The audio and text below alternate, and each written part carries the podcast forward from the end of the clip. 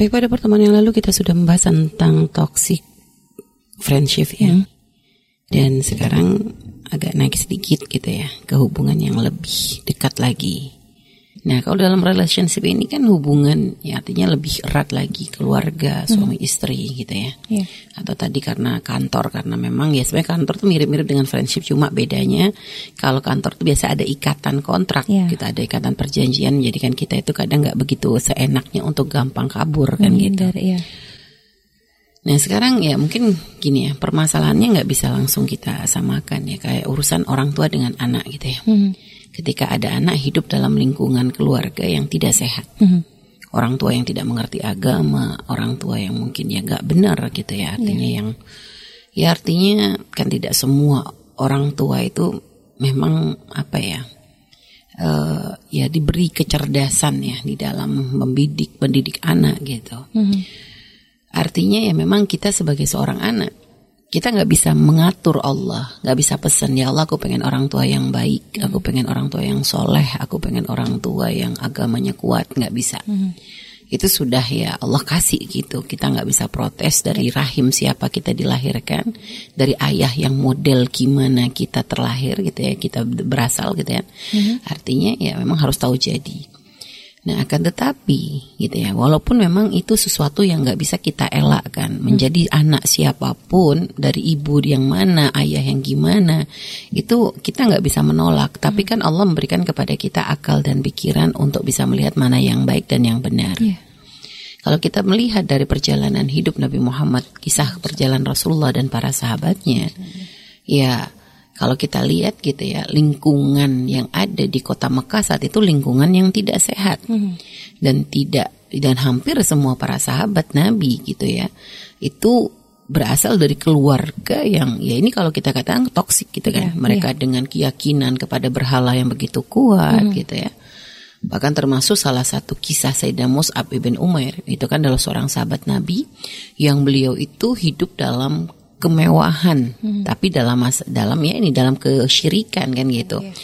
Orang tuanya, ibundanya adalah orang yang sangat berpegang kepada kepada kepada agama agama yang ini menyembah berhala hmm. kuat banget gitu loh akan tapi ya begitu begitu hidayah Allah titipkan di hati Sayyidina Mus'ab ditinggalkan semua hmm. jadi hubungan hubungan yang tidak sehat itu hmm. uh, apa seorang anak boleh walaupun ini adalah kaitannya dengan orang tua hmm. gitu loh untuk meninggalkan karena waktu itu beliau meninggalkan semua kemewahan apa yang ditinggalkan sampai dikatakan ya kalau ada apa ya kehidupan yang paling luar biasa di masa jahiliyah ya seorang tua yang sangat memanjakan anaknya hmm.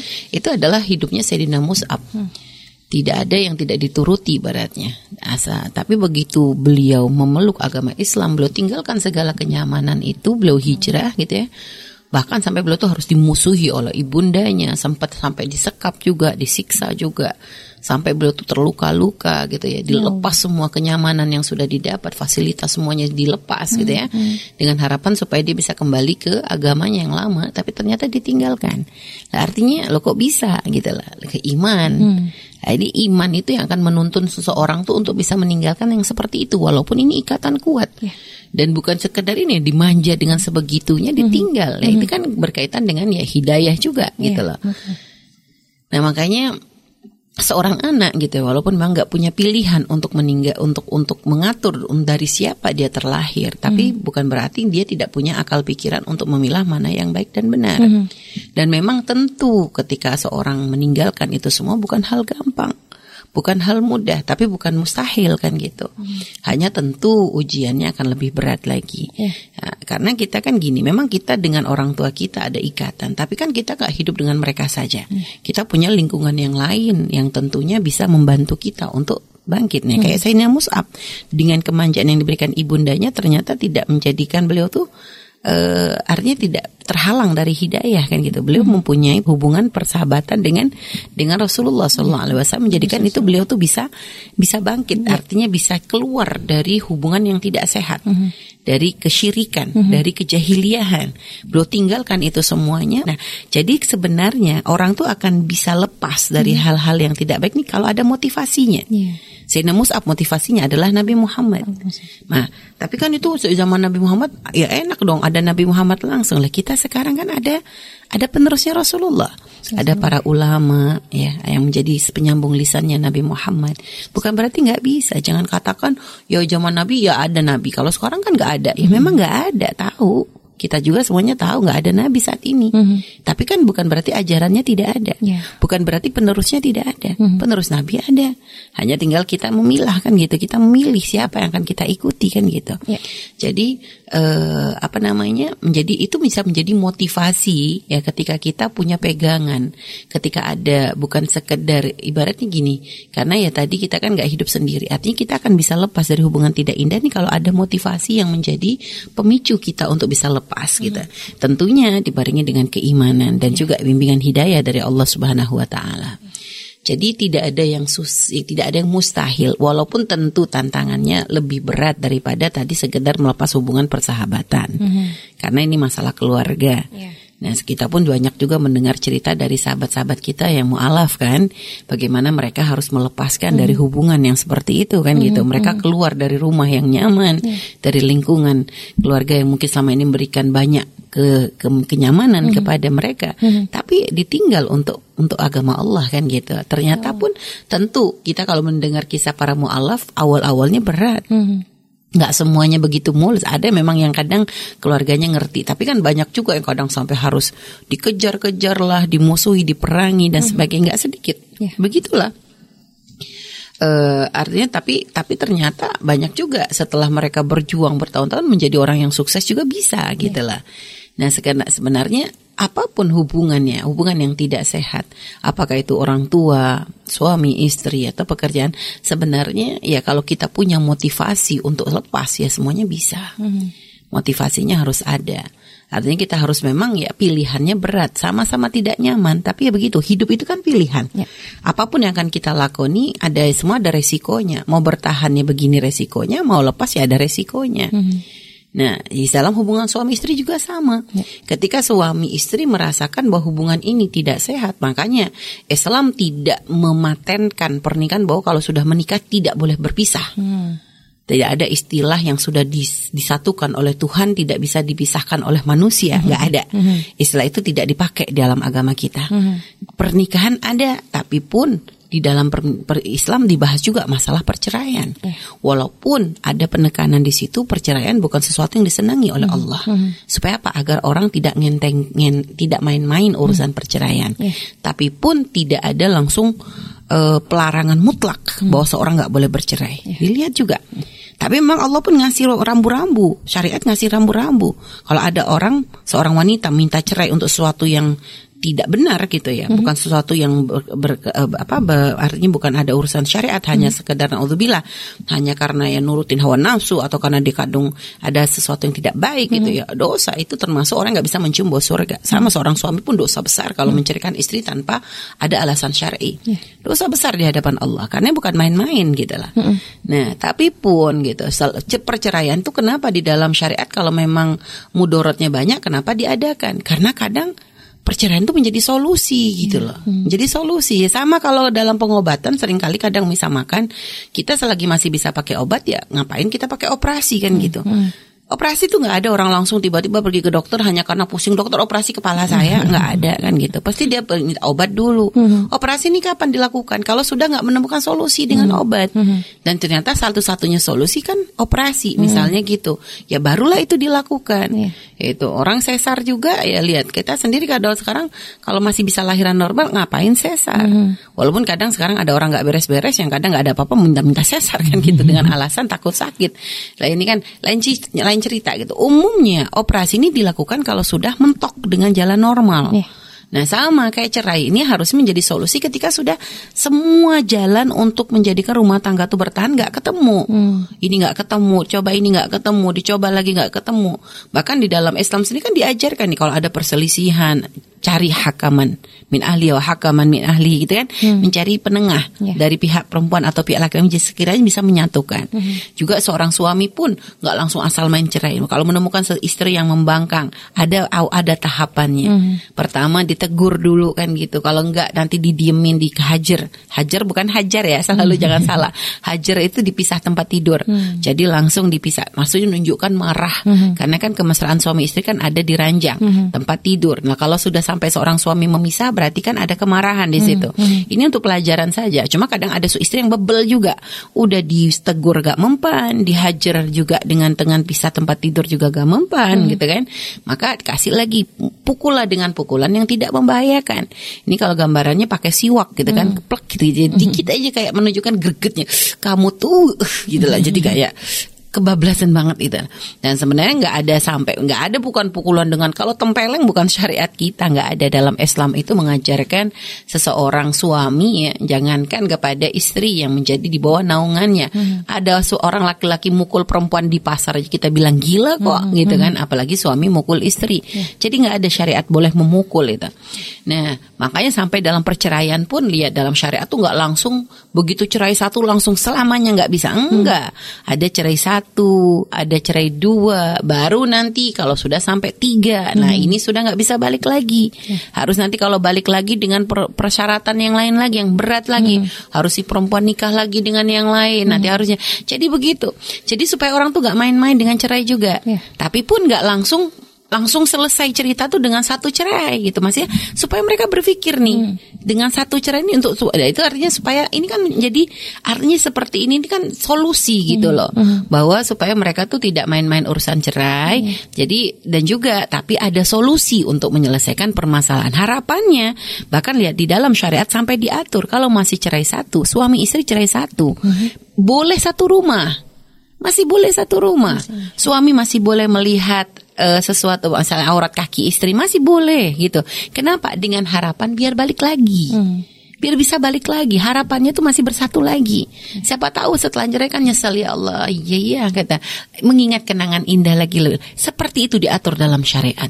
Berarti ini sebenarnya bukan bukan sekedar untuk memuaskan hawa nafsu dengan berpisah. Nah hmm. ini untuk mencari solusi agar keindahan tuh bisa terjalin ya. kan gitu. Hmm. nah inilah makanya di dalam hubungan toxic relationship yang hubungan suami istri yang tidak sehat juga hmm. ini makanya di dalam Islam sendiri kan di dalam memilih itu kan ada tahapan-tahapannya. Lah kalau ternyata subhanallah sudah terjadi pernikahan ya mungkin sudah ini di luar dari prediksi, di luar dari harapan.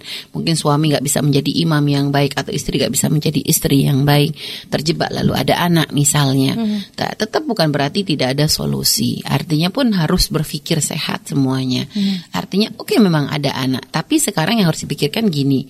Anak ketika kita ada punya seorang anak yang mereka berada di dalam hubungan yang tidak sehat orang tua yang tidak sehat gitu ya. Mm-hmm. Artinya pertengkaran yang selalu terjadi.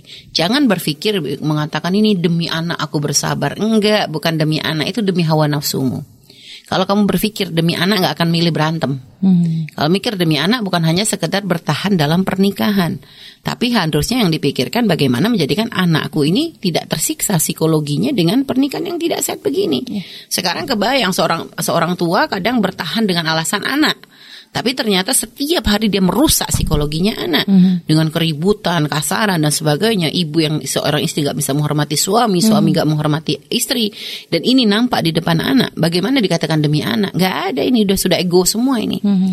Ini dengan bahasa anak hanya untuk mencari pembenaran diri, bukan karena memang kenyataannya seperti itu. Yeah. Dia hanya mencoba mencari pembenaran diri ini demi demi anak demi anak. Pada subhanallah kami pernah menemukan kasus gitu ya seorang istri yang mengadu bahwa dia didolimi dengan sangat-sangat oleh suaminya hmm. sampai ibarat suami udah nggak ngasih nafkah, sering main pukul bahkan sampai derajat si istri ini disetrika coba, hmm. disiksa sampai disetrika gila hmm. kan ya. Hmm. Dan ini dilihat oleh anak dilihat oleh anak sampai dikatakan waktu Buya nanya kata berapa tahun ibu bersabar 20 tahun ajib 20 tahun bertahan dengan kedoliman suami yang seperti itu Akhirnya coba kita tanya ke anaknya waktu itu nemenin, tapi dengan berpisah.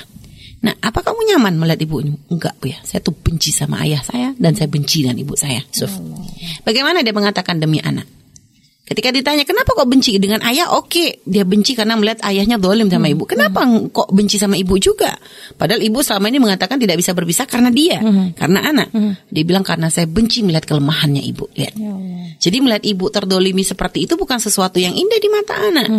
Ibu yang disiksa di depan matanya, dipukuli dan diperlakukan dengan ini, ini bukan bukan sesuatu yang baik untuk anak. Jadi jangan berkilah dengan bahasa demi anak, enggak itu. Anak sendiri pun nggak mau, dia lebih senang ibunya berpisah selamat. Jadi dia masih bisa punya jalan untuk menghormati ayahnya. Tapi kalau terus di matanya dilihatkan kedoliman ayah kepada ibunya, ya dia melihat kedoliman ayah ke ibunya atau melihat kedoliman ibu ke ayahnya atau melihat suatu hubungan, ini akhirnya menjadikan apa? Dia nggak bisa hormat ke ayahnya, nggak bisa hormat ke ibunya. Rusak ini anak. Jadi makanya eh, orang seorang suami istri jangan menjadikan anak tuh kambing hitam, jangan menjadikan menjadikan anak alasan yang kadang sebenarnya bukan. Ini bukan ini karena hanya biasanya banyak ya memang kami tidak langsung gampang mengatakan kalau setiap ada ribut cerai, enggak juga lah. Enggak begitu pernikahan. Ya kalau memang bisa diakur, ayo akur gitu loh. Nah, tapi kalau ternyata solusi itu sudah nggak bisa ditemukan, sudah mencoba satu, dua, tiga, mencoba ada hakaman juga, ada penengah nggak bisa, ini nggak bisa, semua nggak bisa. Maka keselamatan jiwa kita itu penting. Makanya di dalam Al-Quran dalam syarat ku anfusakum lihat. Ku anfusakum bahasanya bukan jaga orang lain dulu, jaga dirimu. Jaga dirimu dulu. Artinya keselamatan diri kita ini penting. Kita nggak akan bisa nolong orang lain kecuali diri kita selamat dulu. Selalu kami sampaikan kadang dalam koidah kalau kita di pesawat gitu diajarkan bagi yang membawa anak gitu ya. Kalau nanti ada udara tabung dari kan kalau ada yang dipakai yang pakai siapa? Ibunya dulu suruh make. Orang yang gedenya dulu suruh make alat baru nanti nolong anaknya. Lah sebenarnya itu kan prakteknya ku anfusakum wa ahlikum. Selamatkan kuatkan diri kita dulu tolong diri kita dulu baru kita bisa nolong orang lain. Nah dalam hubungan yang tidak sehat hubungan suami istri pun begitu. Jangan katakan kita akan bisa menolong anak kita kalau kita nolong diri kita aja nggak bisa kan gitu. Nah, begitupun dalam masalah kerja, memang benar kita ada keterikatan kontrak kerja, tapi pun kita pun punya pilihan. Artinya, ya memang tidak gampang ya, tidak gampang. Tapi sekarang berada, makanya sebenarnya seorang tuh kalau kerja tuh jangan cari masalah gaji gedenya aja. Coba dicek dulu masalahnya seperti apa kan gitu. Artinya coba cek pekerjaan tuh jangan lihat ih gajinya lumayan. Wah, ini enggak lihat dari segi halal haram lingkungan ya. Makanya kami kadang kalau untuk urusan wanita-wanita yang karir itu kan sendiri kita pernah menyebutkan beberapa syarat-syarat yang panjang juga. Selain dari ridho suami ya, ridho suami ini masalah kehormatan di tempat kerja dengan siapa dia bekerja, tempat di mana dia bekerja. Ini kan harus dicek semuanya. Nah, makanya orang itu jangan hanya berpikir karena pekerjaan itu adalah menjadi menjadi apa yang kita kerjakan itu akan menjadi sesuatu yang nantinya hasilnya itu akan masuk ke dalam perut kita. Iya. Nah sekarang kita pengen menjadikan di apa yang kita makan ini kan sebagai jalan untuk kita giat ibadah. Ya. Artinya semakin semangat dalam ibadah, dalam mengabdi kepada Allah. Mhm. Lah kira-kira kalau sesuatu sudah ditari didapat dari hasil yang tidak sehat, Mhm. gitu gimana kita mau bikin kita nyaman ibadah? Makanya bekerja itu harus dicek dulu. Bukan hanya sekedar pekerjaannya halal atau tidak, lingkungannya seperti apa, Mhm. dengan siapa, apa yang kita kerjakan, dengan siapa kita bekerja, gitu. Itu semua harus dicek. Nah kalau sekarang kita berada dalam lingkungan yang seperti itu udah nggak sehat banget nih, nggak sehat banget misalnya. Eh dalam lingkungan kerja begitu ya, memang ya kita semua ada resiko. Mau kita ya kontrak mungkin kita ada kerugian, kerugian karena mungkin harus ada ga- penalti, penalti ya misalnya ada ganti rugi kan gitu ya kalau kita sampai melanggar kontrak kerja. Ya kalau memang kita punya kemampuan, lebih baik kita rugi sedikit daripada nanti kita rugi banyak. Iya. Karena rusaknya jiwa tuh bertahap rusaknya diri itu bukan bukan spontan kadang ya bertahap gitu loh. Kalau sudah lingkungan nggak sehat misalnya seorang perempuan kerja dengan bos yang naudzubillah mata keranjang atau yang gitu yang tingkahnya nggak benar meremehkan. Itu terus kalau mau bertahan apa nunggu kehormatan hilang dulu gitu loh. Ya kan berarti kan ya kita kita punya pilihan. Kita rugi duit itu lebih terhormat daripada kita rugi kita hilang kehormatan. Ya.